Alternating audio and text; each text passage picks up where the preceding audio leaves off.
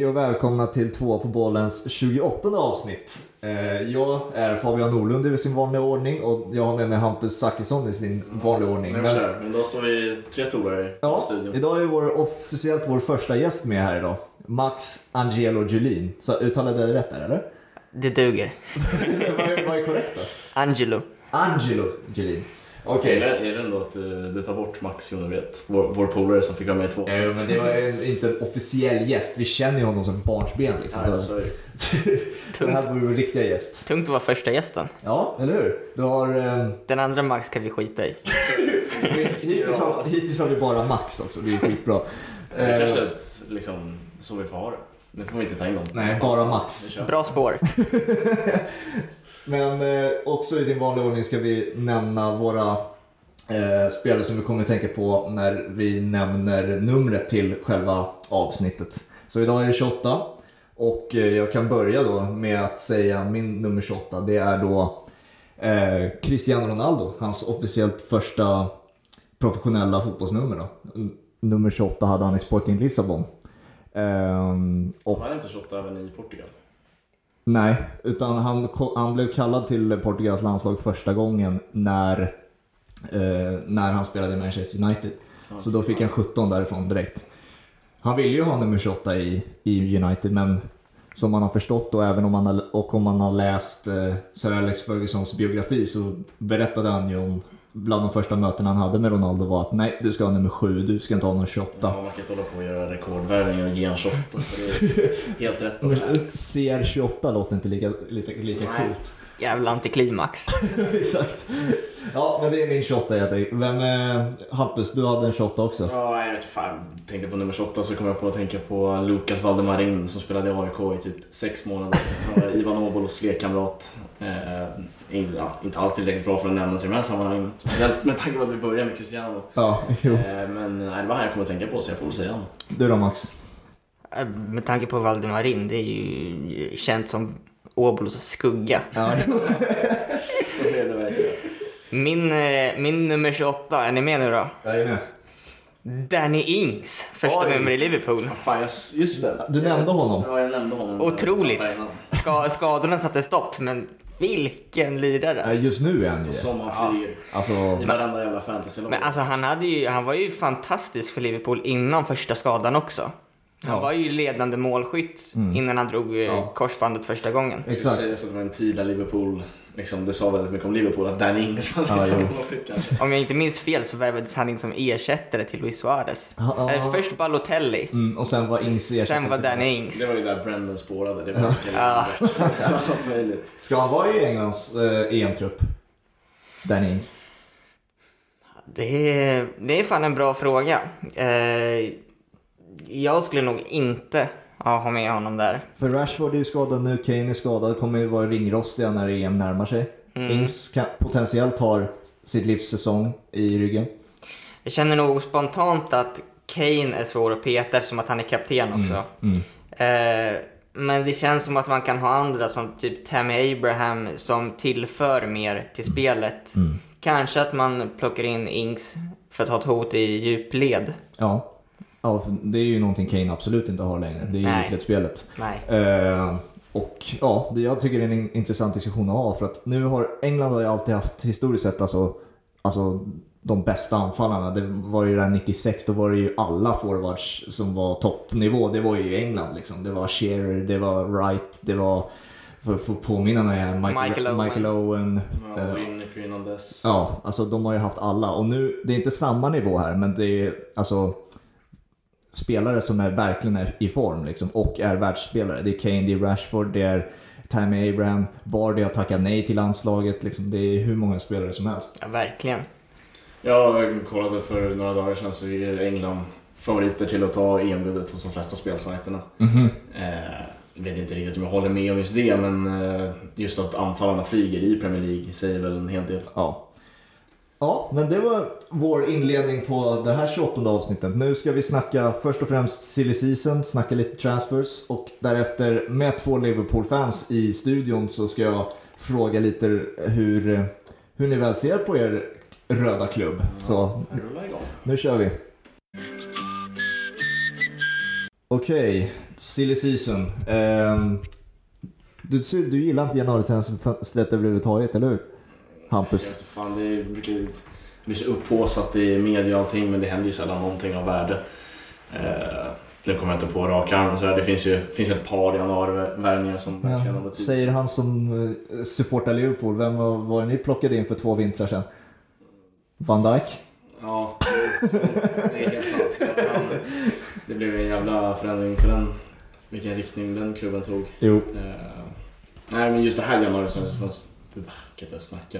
Det här transferfönstret känns riktigt slött. Ja, jo. Det är, vad, är det någonting som du tänker på när du, har- när du kommer till det här januaritransferfönstret? Max?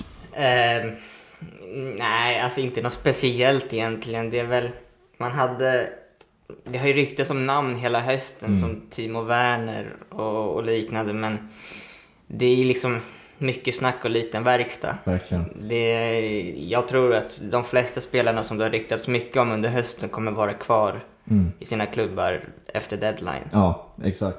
Eh, det har ju varit en lite pågående diskussion genom hela det här, alla poddavsnitt nästan när vi har nämnt hans namn. John Guidetti, Hampus. Att du och jag som Brommabo vill att han ska flytta och hitta en klubb där han äntligen får speltid. Nu har, det tror jag i alla fall han har hittat. I Hannover, vad, hur uttalar man 96 Ja, de säger 96. Ja, 96. Hannover 96. Ehm, hur ser ni på det fönstret? Max, vad tänker du om han, eh, att, att John nu är i Tyskland och andra divisionen också? Jag kan ju bara börja med att John Guidetti, det är min gubbe. Ja, det är, vi håller med om det. Vil- Vilken grabb! Ja. Eh, nej, jag, jag tycker att det är bra att, att, eh, att han lämnade bänken i Alaves. För det är liksom, man kan sitta av tid där nu när det är EM i sommar. Eh, om, oavsett om det är andra divisionen eller inte.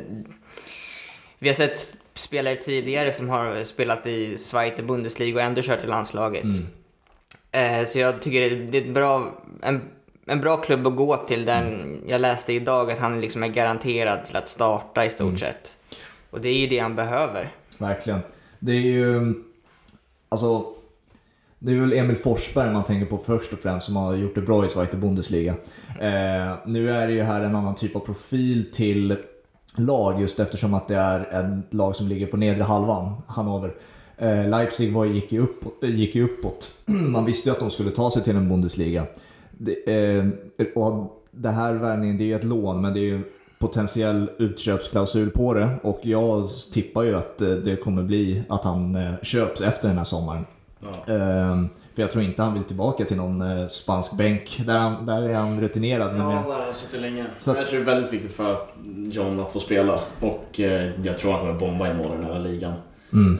Han har gjort det förut i Eredivisie Mm. och liksom får han det här förtroendet och han, liksom, man vet att han är publikfavorit efter första matchen för han jobbar och sliter Mm. Oavsett vad. Så att, nej, verkligen kul för John och kommer Mm. följa Zweite mer än någonsin. Han, hans personlighet gör ju också att han kommer ju bli en publikfavorit. Ja. Det är ju givet, Ja. skrivet i sten. Mm. Eh, och jag, jag har slått många slag för John när, eh, när folk har eh, ja, men gett upp på honom i stort Ja, sett. ja. Men kollar man historiskt, han har inte fått kontinuerlig speltid Exakt. på no- i någon klubb Nej. sedan han gick till Celta Vigo. Mm. Han har spelat några matcher, så han har varit på bänken några matcher. Det är liksom inte att han har varit en starter. Nej. Och jag tror att det kan göra honom väldigt gott. Mm. Alltså, det är precis som du säger, varje gång han har fått den här kontinuerliga speltiden, då har han alltid gjort poäng, alltid gjort mål. Alltså starten av Celta Vigo gjorde han mål eh, innan han blev bänkad. Och han gjorde även mål i i starten av Alaves innan han blev bänkad. Så det är 100% sant. Däremot som jag tänker på nu, det ryktas ju varje gång John ska bort, då ryktas ju Feyenoord. Eh, och jag, jag tycker ju, alltså för mig som bara tittar på, på John Guidetti som spelare, det måste, den värvningen måste ske snart alltså. Personligen. Någonstans ser jag ändå framför mig att han går nu ett halvår till Hannover, bombar in mål och sen eh, öppnar Feyenoord plånboken och köper ut dem från Alaves. Redan så tidigt tror du? Ja, men det är så här, fan han är ju fortfarande älskad där. Eh, Mm. Jag tror han vill dit också Mm. i slutändan. Har ni gjort det sociala experimentet någon gång att ni går in på kommentarsfältet på John Guidettis bilder kan möjligen någon gång, men vad, vad är det du tar ut av det? vad, du... vad bilden än handlar om så är det fullt med Feyenoord-supportrar. come back to Feyenoord. Come back to Feyenoord, John. Jo, Det spelar ingen roll, han skulle kunna stå där med en PSV-tröja och skulle fortfarande Come back to Feyenoord. come back to Feyenoord. Ja, jo, men alltså det var ju... Jag tror det behövs någon riktig... För att det ska tändas igen så behövs det någon händelse. Det, det var ju det, 2017 där, eller 2016, jag minns inte. Det var när eh, Celta mötte Ajax där. Och John Guidetti gör mål och så springer han mot eh, Ajax Ultras och eh, sätter fingret mot, mot munnen. Liksom.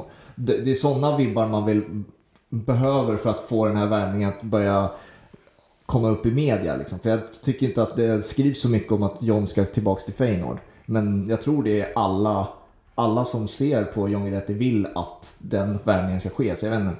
Det är någonting vi alla hoppas tror jag. Ehm, till nästa, in, ingen bekräftad värvning men en, jag säger ett namn. Får vi se var ni tror att han hamnar då. För han ska ju bort. Bruno Fernandes.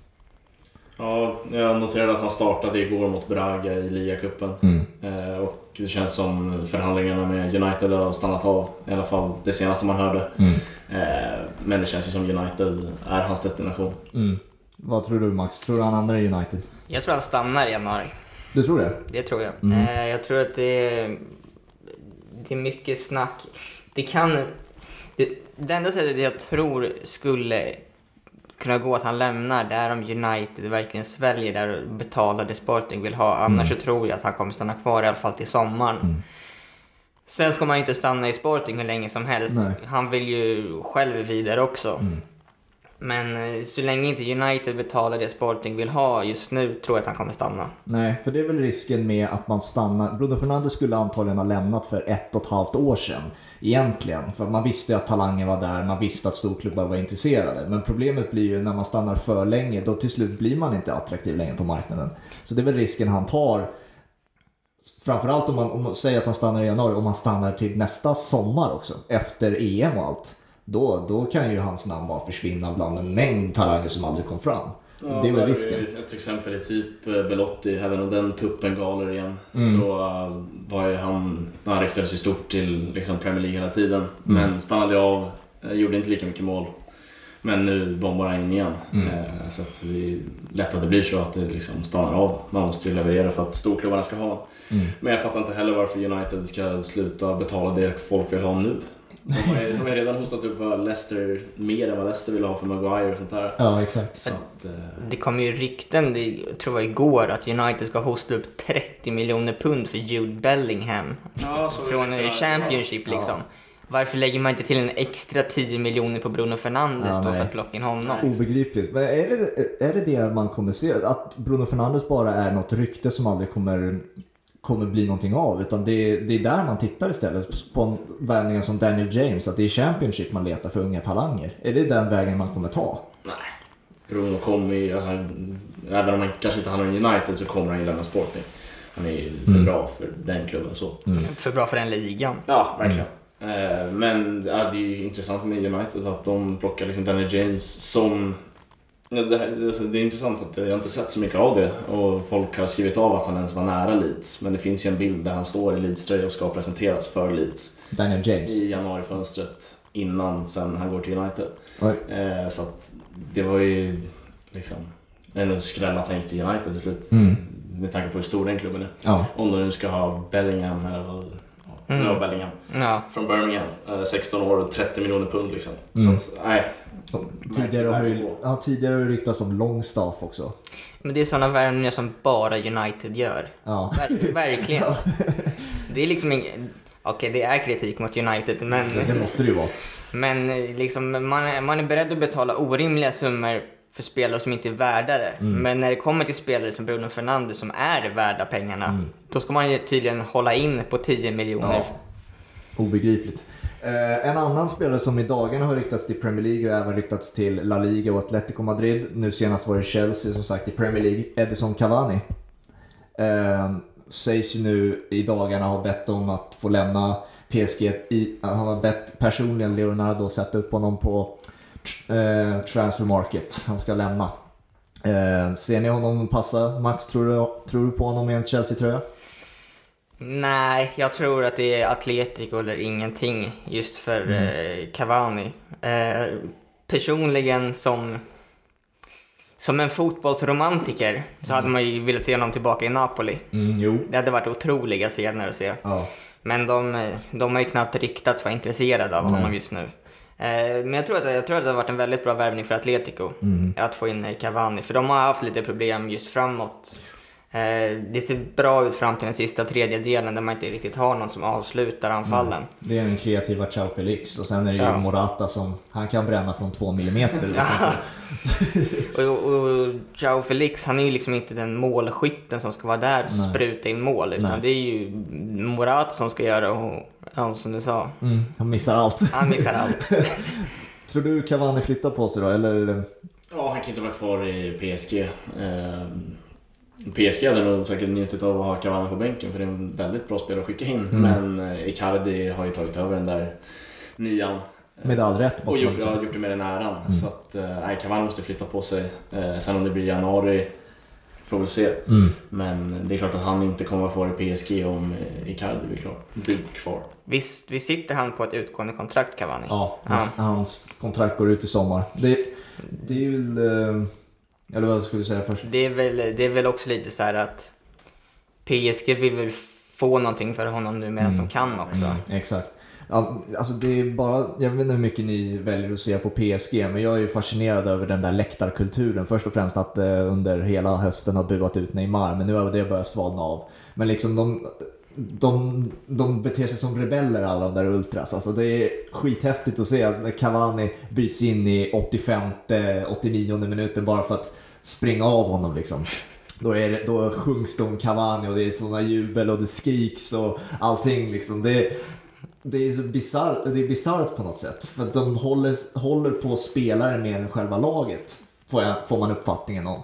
Uh, jag vet inte vad ni tycker om, alltså, alltså lägg den energin på Icardi, för det är ju framtiden. Personligen tycker jag det i Ja, alla fall. verkligen. Alltså oavsett, inte vill ju inte ha honom tillbaks.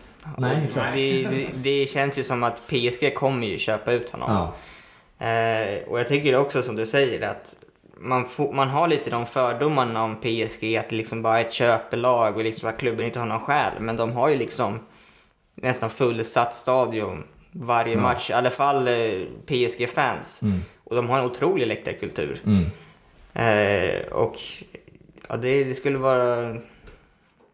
Det skulle vara bättre, som du säger, att de lägger tiden på Icardi som är framtiden. ja exakt.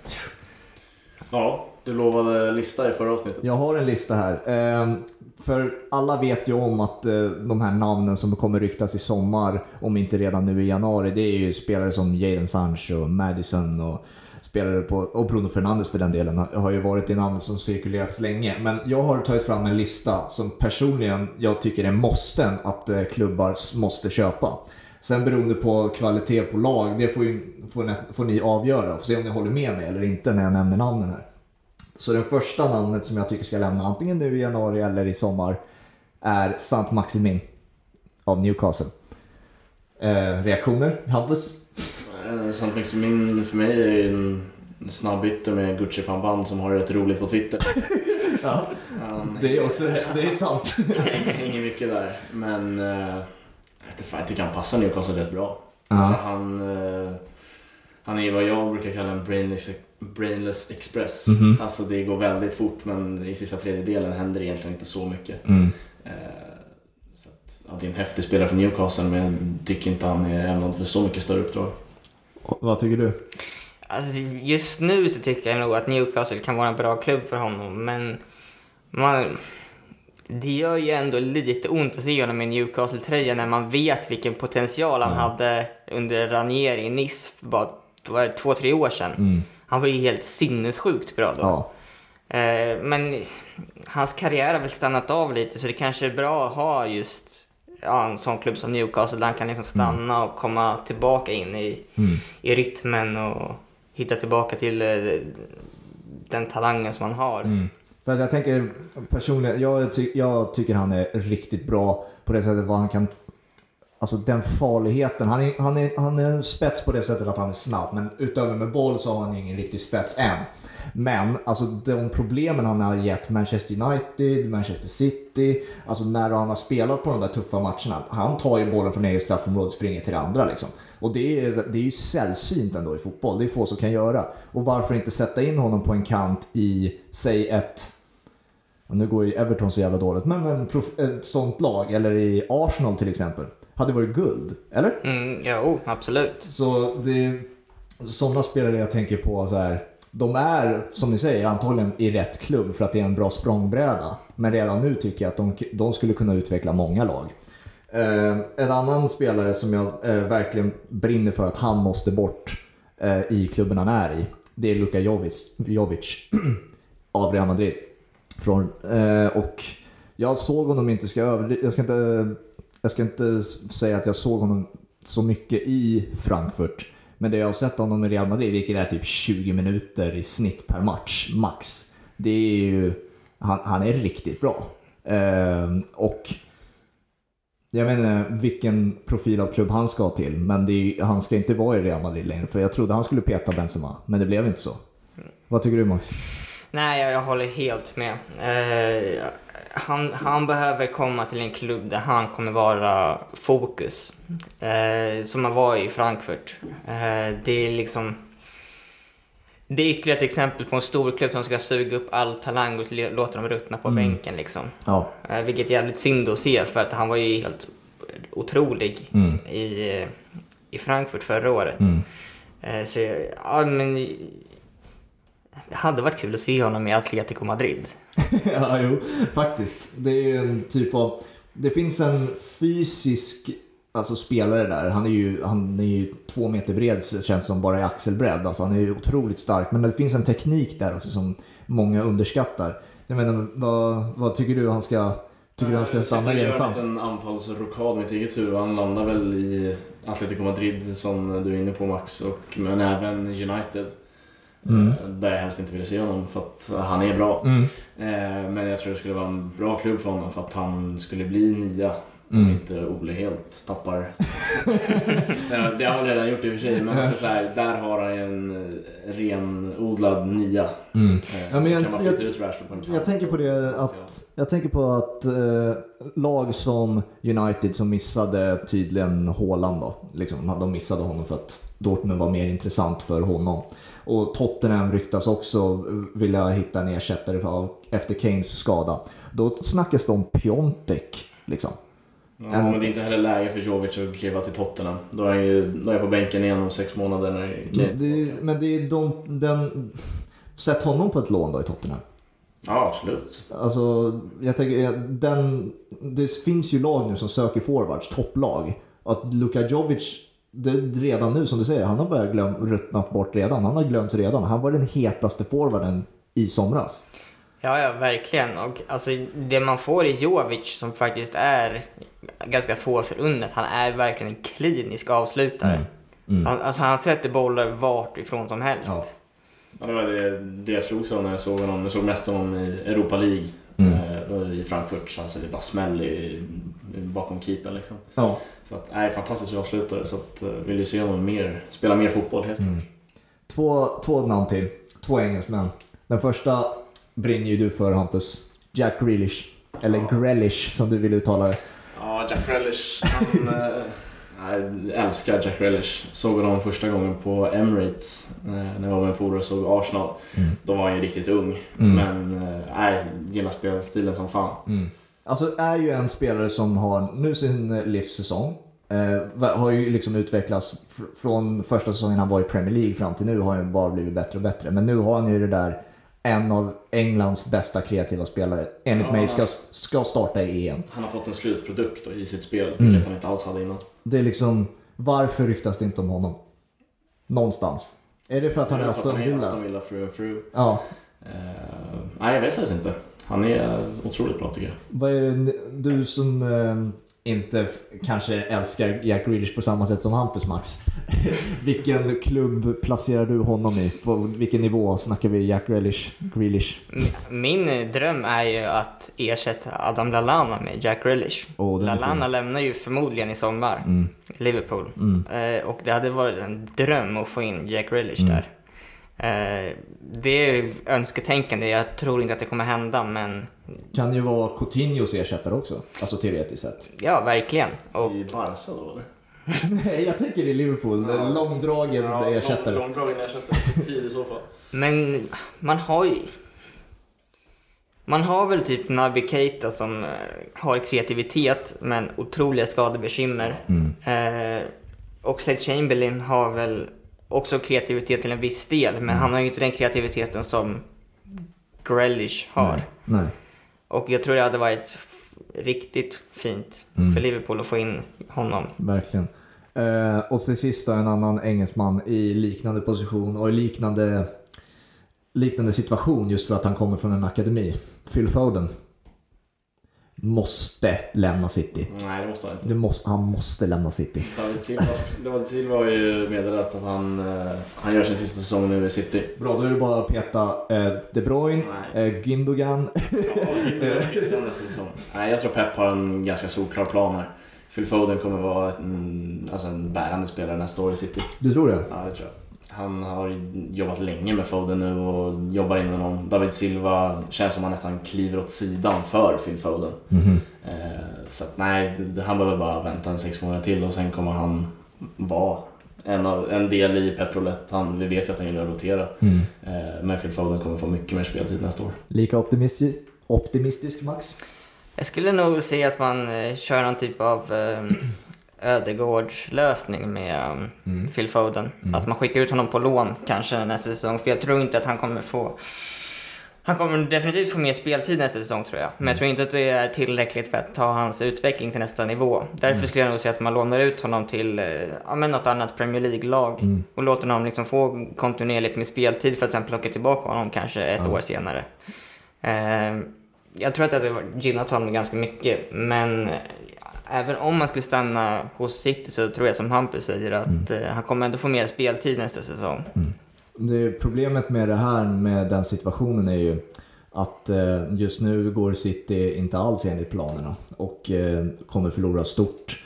När det sett i Premier League kommer antagligen inte vinna Champions League heller. Och det ryktas nu i England... Du bara skriver av Ja, men jag, jag, jag skriver av dem på det, av det jag har sett.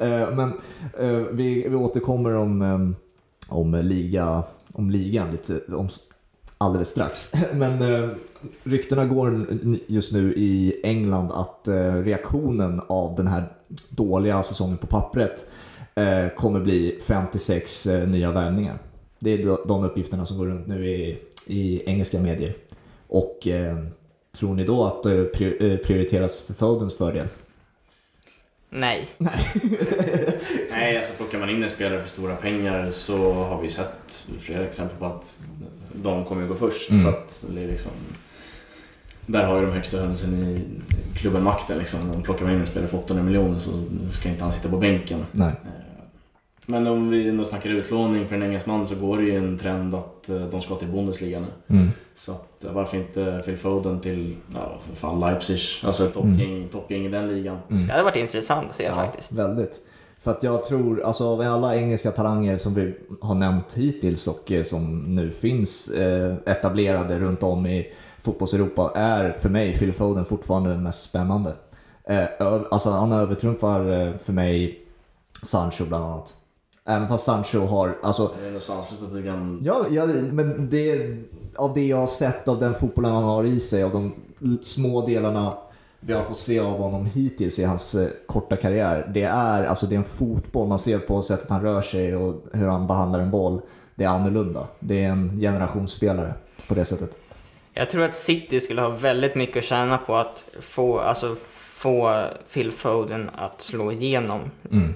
Alltså sen eh, deras oljeägare liksom har tagit över har de inte haft en, en egen produkt som gått rakt in i, i laget. Och man skulle nog kunna bygga jävligt mycket på det, att, att, ha, att ha en egen akademispelare. Man ser bara hur mycket Liverpool liksom tjänar på Trent Alexander-Arnold. Exakt. Eh, liksom staden har en eh, typ av annan förankring till klubben. att man, en av deras egna spelar för klubben. Och det tror jag att eh, City skulle, verkligen skulle tjäna på om de låter Phil Foden liksom slå igenom. För han, han är bra nog. Mm, exakt. Hans potential är bra nog. Ja, det var lite snack om eh, transferfönstret hittills eh, och eh, vi ska nu resten av podden lägga ner tid på ett enda lag och det är Liverpool. Eh, Fina, fina fina, fina Liverpool. Så ska vi se vad för svar eh, vi kan få ut av er då när, ni, när vi diskuterar Liverpool. Okej, över till Liverpool och eh, då måste vi ju först och främst, eller jag måste först och främst då fråga, i och med att jag har alltid en pessimist bredvid mig, så måste jag fråga dig Max, är ligan avgjord? Jag är väldigt, väldigt vidskeplig så jag säger nej. Tråkiga En, ni är! en match i taget. Grejen med det här är alltså så här.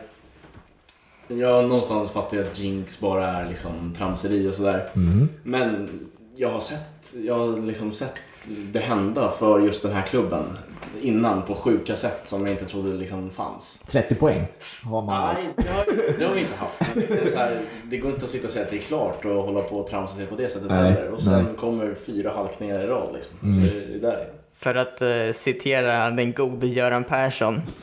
Jag har sett det, jag har levt det, jag hatar det. Ja, det är precis så det är med Liverpools säsongsavslutningar. Okej, men om ni, om ni skulle sätta en, ett procent, en procent på er övertygelse om att eh, Liverpool är klara. Alltså vad sätter ni den procenten? Är det 80? 90? Vad, om vi ändå ska... Nej, alltså, Vad det, pekar det åt? det blir aldrig hundra förrän... Nej, det är jag med på. Klart, liksom. 20. Nej, jag skojar. Ja, eller hur? Nej, men jag jag skulle nog säga kanske runt en å- 80 i alla fall. 80. Ja, alltså jag fattar. Det krävs ju något helt otroligt tapp för att det här inte ska gå vägen. Eh, Så att det ligger väl där någonstans runt 80. Okej. Eh, Absolut. För att då har jag den frågan. Om vi säger att vi bara leker med tanken att ligan är klar nu. För det är min åsikt, ligan är klar. Liverpool kommer vinna. Vad är det för typ av säsong? Jag vet att det spelar, det spelar ingen roll för er som Liverpool-fans. Ni har inte sett Liverpool vinna ligan på 30 år eller vad det är. Men Nej, jag, vad... jag har funnits i 19. Ja, men du fattar vad jag menar. Eh, vad är då... Eh, är det ändå inte lite tråkigt att ni inte får en så här Agüero moment? Att ni vinner på sista dagen. Är det inte lite tråkigt, lite antiklimax att ni har vunnit ef- alltså efter månad oktober? Någonstans får vi typ de där Agüero momentsen i varje match kan jag tycka. Mm. Alltså Salas mål senast mot United var ju... Ett sånt. Alltså, ja men inte, fattar att det inte är i närheten av att avgöra i sista sekunden av hela säsongen. Nej. Men det, alltså, Anfield exploderade på ett sätt som det sällan gör. Mm. Och liksom, det var sånt här moment jag kände så här: shit, herregud vi har kört över United hela matchen, vi får sätta det här 2-0 målet. Mm. Så att, nej, noll tråkigt om vi inte får något Aguero moment i sista, sista sekunden av säsongen. Finner ingenting tråkigt med att ligan är avgjord så tidigt, Max. Nej, Jag vill bara ha ligatiteln. Ja, det är ju ofta så. Men det blir, säg då om, vi kommer komma in på lite så här årlig dominans liksom lite senare. Eh, Men om ni skulle vinna en till två eh, Premier League-titlar nu de närmsta tre åren. Då, och hade det inte, när man ändå är van med den känslan, varit lite häftigare eh, som fotbollsfan att få, ja, få det där avgörandet lite senare in på säsongen? Jag menar, det känns som att man bara nu, nu bara väntar ni tills den där majdagen kommer när Premier League-titeln ska lyftas. Bara, ah, kom igen, ja, nu, vi vet, vi har vunnit. Kan vi inte bara lyfta den där jävla titeln? Så tar... Tro mig Fabian, så är det inte. Det brukar inte kännas som när man inte har vunnit på 30 år. Exakt, det, det får ju bli, säg att Liverpool går in i en storhetstid nu under en längre tid. Så här, då kanske man skulle uppskatta att det är ett two horse race eller ännu flera lag med. Eh, Men just nu tycker jag det är väldigt skönt att lagen sladdar där bak och vi, ja, femmans växel, full gas framåt liksom. Vi kan skratta åt alla andra helt enkelt. Ja, så, så att, nej, alltså så här, ett lag som inte har vunnit på 30 år skiter fullständigt i hur de vinner. Jag vill nog ändå hävda att den enda matchen hittills det här året som Liverpool verkligen har visat sin fulla kapacitet är mot Leicester. Okej, Jag, fulla kapacitet säger du. ja, Ja, där slog de i taket. det var ju helt sinnessjukt. Alltså Leicester kom ju inte ens ut från sin planhalva innan vi hade vunnit tillbaka bollen.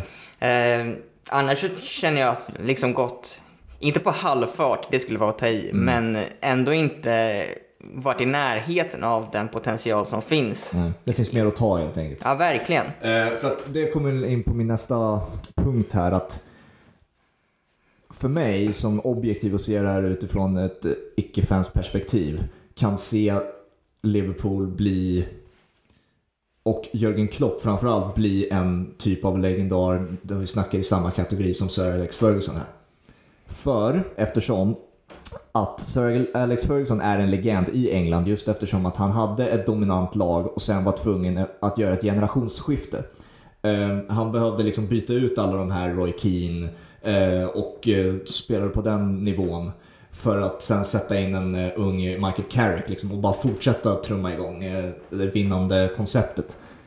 Snart, kom, i och med att Jürgen Klopp har skrivit kontrakt till 2024, det där generationsskiftet kommer behöva ske för uh, att laget fortsätta hålla liksom, samma höga kvalitet. Om han gör det på korrekt sätt kan man se Jürgen Klopp liksom, vinna nu tre, fyra Premier League-titlar de sista fem åren. Ja, det vore ju dumt att säga någonting annat när vi inte har tappat en poäng i ligan mm. hittills. Eh, och grejen med Klopp är att det går så jävla fort. Alltså, mm. jag kommer fortfarande ihåg när vi firade 1-1 mot West Bromwich med liksom vågen och det var gud vet vad. Eh, och alltså, jag som fan också var också asnöjd över 1-1 mot West Bromwich. Det var där vi var. Ja. Eh, men nu det har gått så extremt fort till att vara ett lag som ja, plattar allt mm. motstånd. Är det realistiskt att kunna jämföra redan nu, eh, teoretiskt, att jämföra Sir Alex Ferguson och Jürgen Klopp? Tror du det finns en möjlighet? Max? Det, det tror jag.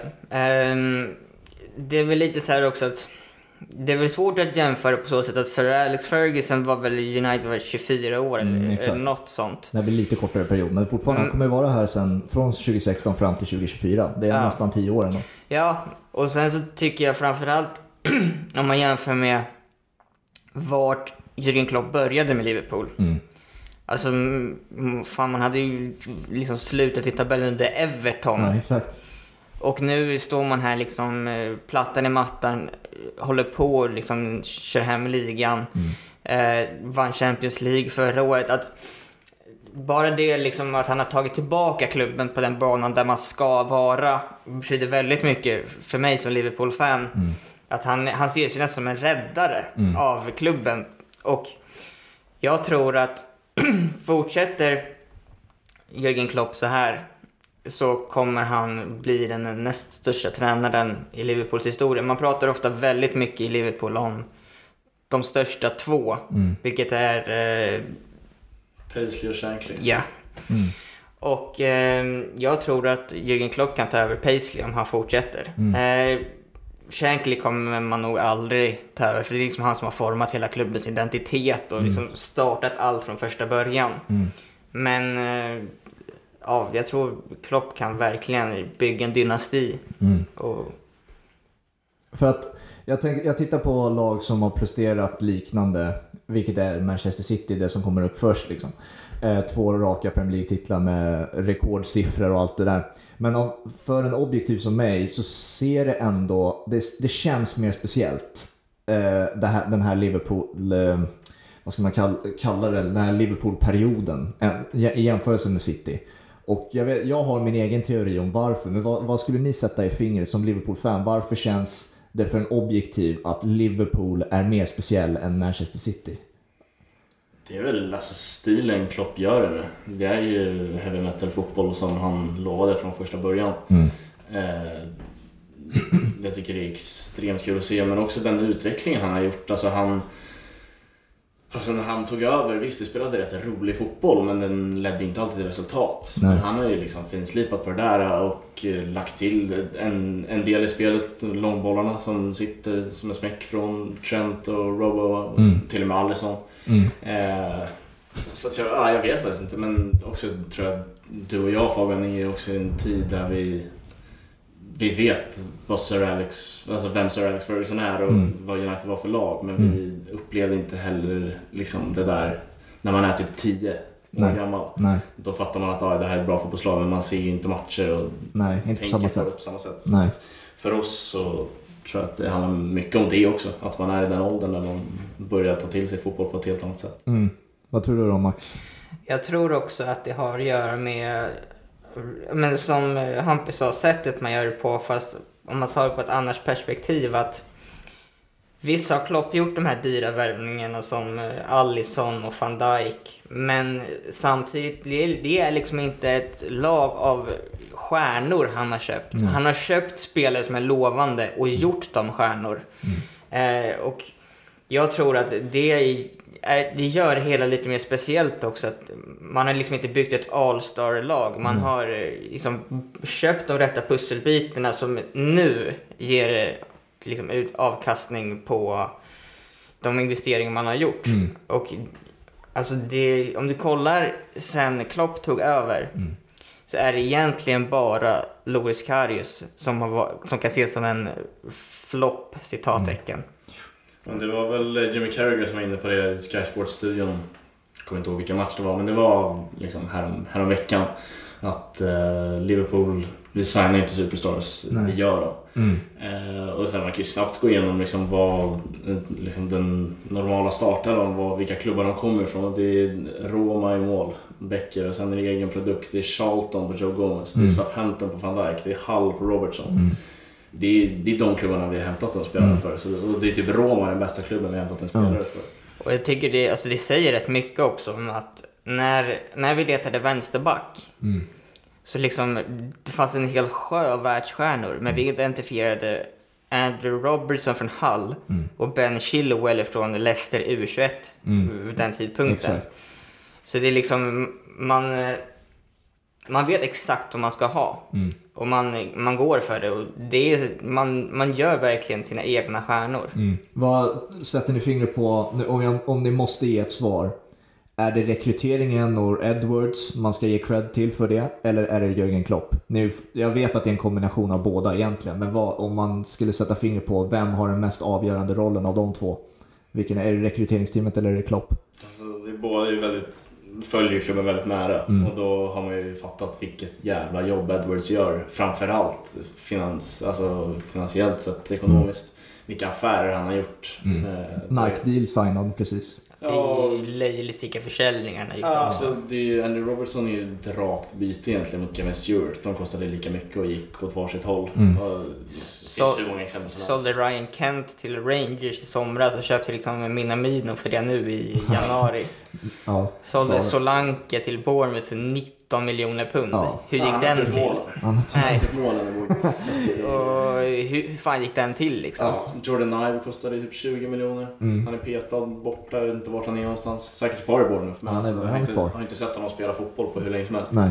Så att eh, Edwards får ju jag tror han får rättmätigt med cred från de som följer klubben för att mm. vi har koll på vilka jävla affärer den snubben lyckas hitta. Mm. Eh, men eh, från ett liksom de som ser Liverpool utifrån tror jag inte har en aning om vad Edwards har gjort. Eh, och därför ska man väl ge honom mer cred mm. i så fall. För att alla vet vad Klopp, mm. Klopp har gjort. Liksom. Ja, jag håller med att uh, Edwards gör ett alltså, utomordentligt jobb. Um, men jag skulle nog ändå ge Klopp mest cred för att mm. när, man, när man hör spelarintervjuer och, och intervjuer med honom, alltså man, man underskattar nog vilket kollektiv han har byggt. Mm. Det är liksom, man, alltså på, på planen så vet spelarna exakt var alla är, vilka passningsvägar man ska utnyttja. Eh, man, allt görs som en enhet och den stämningen som man byggt eh, är otrolig. Mm. Och jag måste nog säga att man hör ju alltid klyschan en match i taget. Mm. Men jag tror alltså genuint att Liverpool är nog ett av de få lagen som verkligen utgår ifrån det. Mm.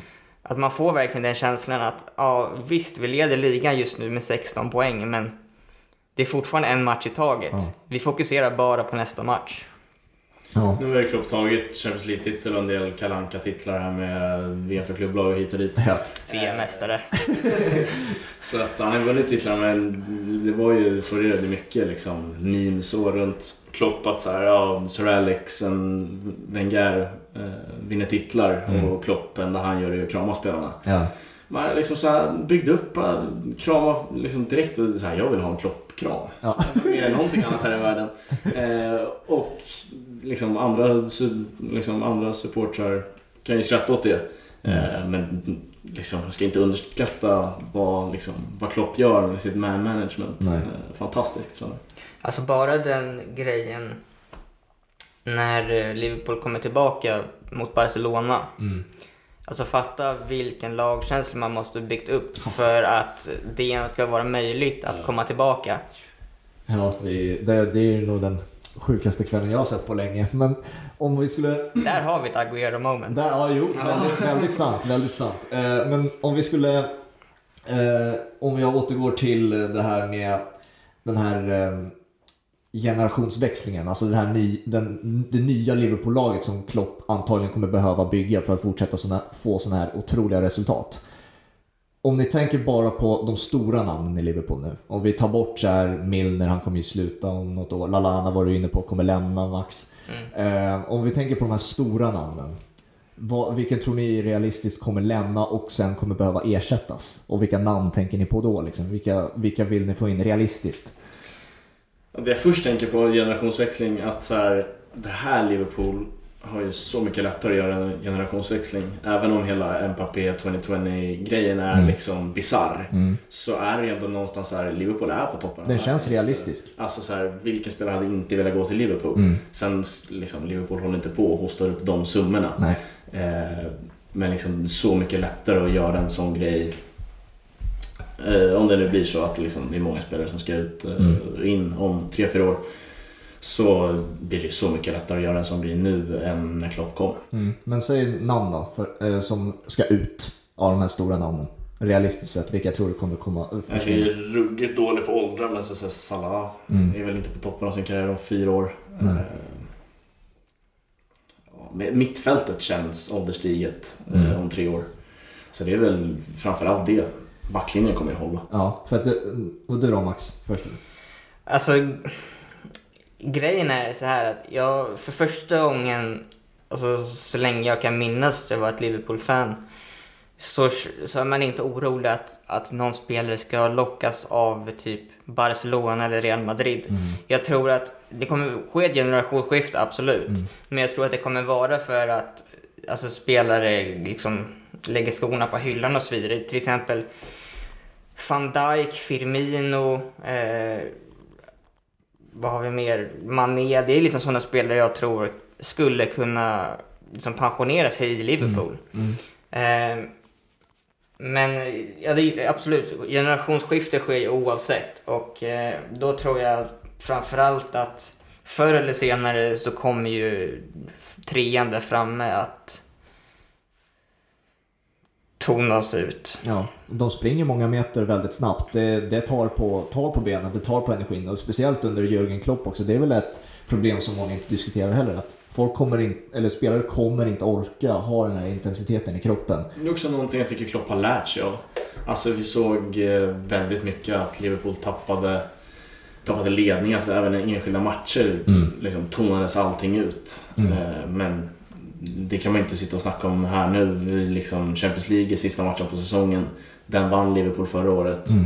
Eh, Så att han har ju lärt sig av det där. Så att jag tycker att det är lite överskattat problem att de springer så mycket. För att Mm. jag tycker att han, han har gjort läxan Klopp. Mm. Ja. Man ska, Disponerar det mycket bättre. man ska veta också att eh, när Klopp kom, jag, jag vet inte exakt om det fortfarande är så, men alltså han la ju alltså in trippla träningspass per dag under eh, försäsongen, första året han hade en, en försäsong. Exakt. Så han, alltså man underskattar något otroligt vilken fysisk status Liverpools lag har oavsett liksom om, eh, om de inte springer så mycket.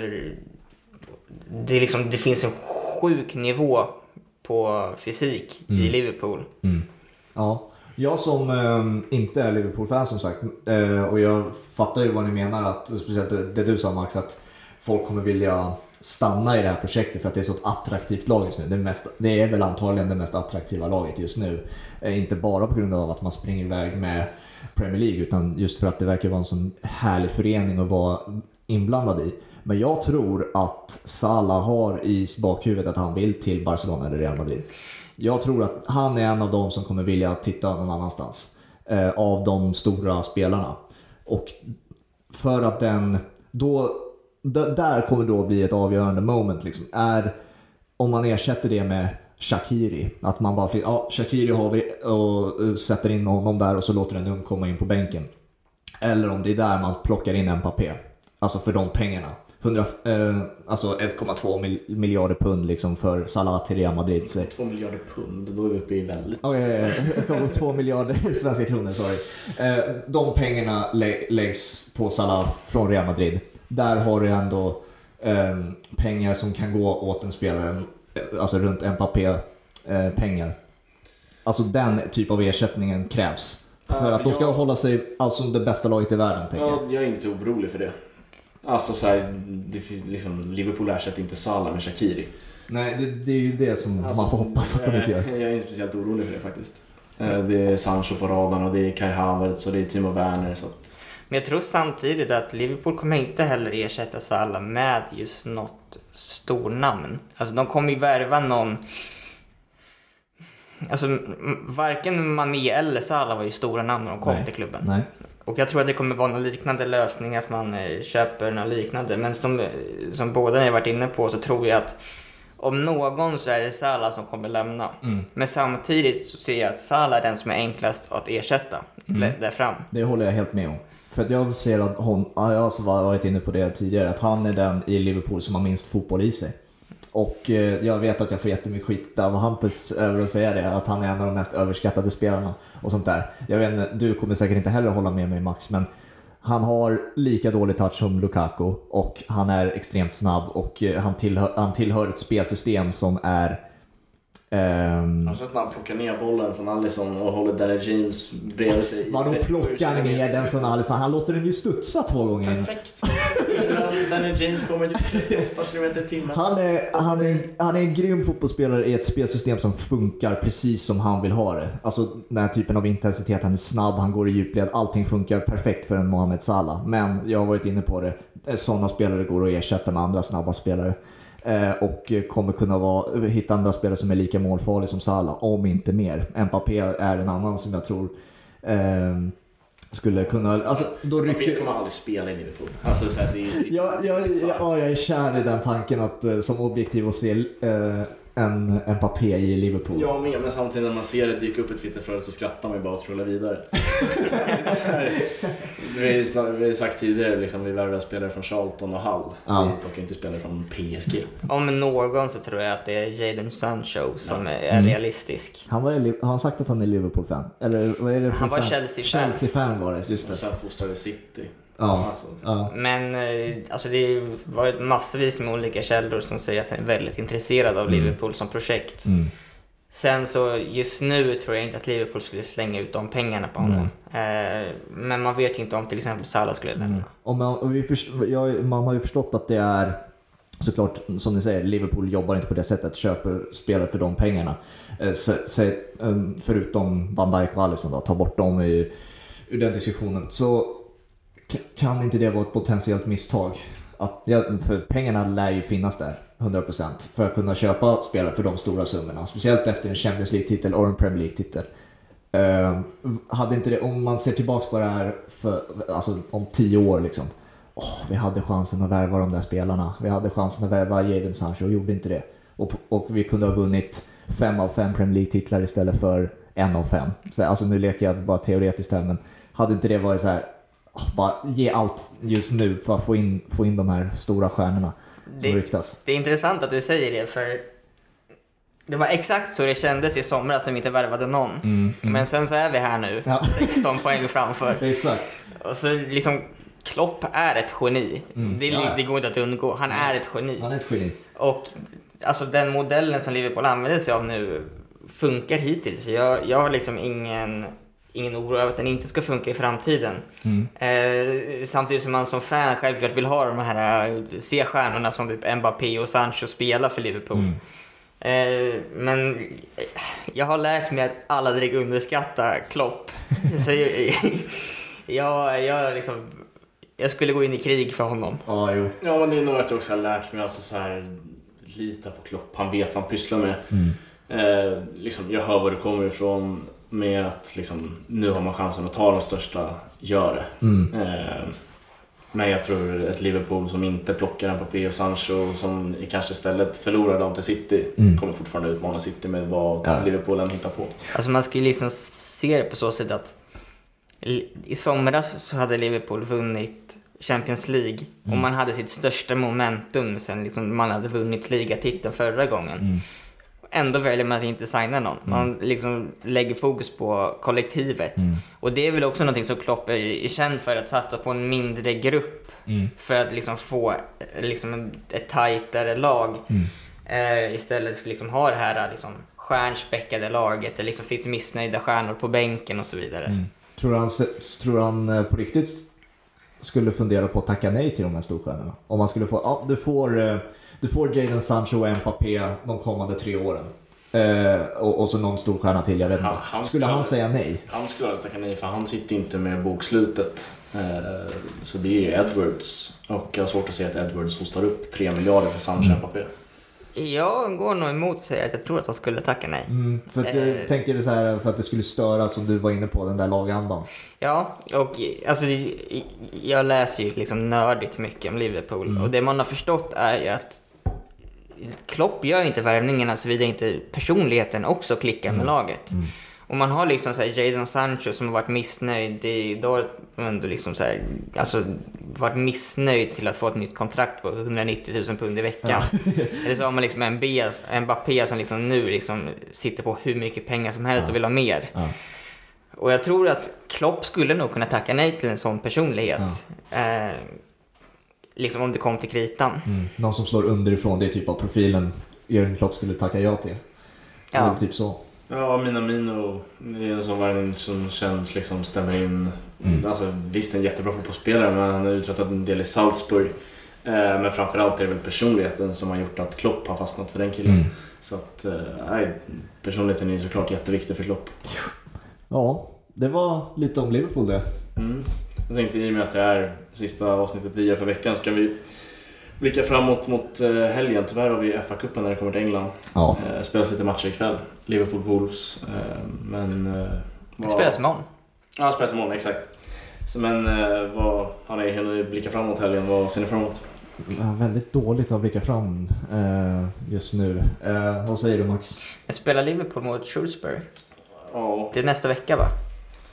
Det är stökigt schema just nu i Premier League. Så det är double game det- Hur, hur som helst, eh, jag ser fram emot, just med Liverpool, som vi varit inne på, så ser jag fram emot, för hittills FA-cupen har ju liksom de unga fått chansen. Mm. Många, många från akademin. Så jag ser, jag ser fram emot att få fortsätta se liksom deras lite fortsatta utveckling. Mm. Eh, man ser namn som liksom Curtis Jones, Mm. Harvey Elliott. Ja, På söndag tar Shrewsbury mot Liverpool. okej. Så att, eh, ja, alltså, är det de gubbarna som spelar så det ser jag också väldigt mycket fram emot det. För att eh, det var... Jag tyckte de var bra. Det var sevärt mot Aston Villa. Mm. Eh, sen blev det 5-0 och det var inte mycket liksom, mer att göra. Men sen när Klopp fick leda laget mot Everton så var det ett helt annat Ja. liksom, go och sådär. Mm. Så att, eh, nej, liksom Harvey Elliot en söndagkväll, det, det kan jag ta. Det är liksom, alltså... Tidigare, alltså FA-cupen och Carabao Cup, alltså det är så trötta turneringar. Ja, ja, exakt. Men det är liksom, det livar upp det lite när man får se något nytt. Mm. Alltså se spelare man inte får se tidigare Mm. och så vidare. Så det är väl, det gör det väl lite mer tolererbart. Ja, exakt. Ja, jag som eh, inte har något lag, jag ser bara fram emot att se lite fotboll helt enkelt. Det jag gillar mer med Carabao Cup är att den smälts in i, i veckorna. Ja. FA-cupen tar ju några helger ifrån den. Ja. Eh, Så att, eh, ja, nej. Men eh, det finns ju en del fotboll att skåda även i Italien och Spanien. mm. Kanske får man se Phil Foden för City. ja möjligen, vem vet? Får se vad Pep kommer på. Ja, de, jag har ingen koll på vad City har fått men de fick ju säkert någon conference-lag som har gått långt. De får Ja. ju alltid lättast. Brukar de få. Ja, Ja. det brukar vara så. ja, men eh, ska vi avsluta det här eh, härliga snacket om silly season och Liverpool. Eh, tack så mycket Max att du kom Tack eh, själv. och gästade. Vi vill gärna ha tillbaka dig eh, Ja. så ofta det kan. Gärna. Eh, det, vi har ju varit inne på det. Vi har ju, det är ju två Liverpool-fans som sagt, Hampus och Max. Men det är ju Djurgårdare mot AIK här inne också. Det blir en schysst derbyblandning. Ja, så när allsvenskan närmar sig så kan vi, kan vi lova att eh, du kommer tillbaka för det och diskutera AIK-Djurgården. Ja, Det, det ska vi lova. Ja. Och sen så kommer jag tillbaka när eh, Djurgården ska spela Champions League. Det blir kval. Absolut. Max kommer Det, tillbaka. det blir kul att se AIK i Europa i år, eller hur Hampus? Ja, faktiskt ska bli skönt att slippa se. Det har varit, eh, det har varit en plåga senaste åren. Så att, eh, För AIK ska inte spela i Europa i år. Nej, verkligen inte. Om du inte följer allsvenskan och är medveten. Eh, Max, berätta var man kan hitta dig någonstans. Eh, man kan hitta mig på Twitter. Eh, där heter jag Maxi Angelo. Maxi med två A. Angelo som det låter. Det var bara det. Ja, eh, vi har ju en, vi har ju en Twitter-sida men det har hänt väldigt lite på den. Ja, vi är mest då, eh, på Instagram. Det är där vi Det är. är två pubbollen som, som gäller där. Eh, och vi ska ju på söndag ta en poddbild. Ja, Eh, vi har ju prioriterat eh, content som du sa här innan vi började spela in. ja Eh, förebild. Så att nu efter 28 avsnitt kommer en, kommer en poddbild i alla fall. Ja, yes. Och Vi växlar upp. ja, det gör vi. Eh, så får ni ha det så bra så hörs vi nästa vecka. Det gör vi. Ha det bra. Ciao. Ciao! tja.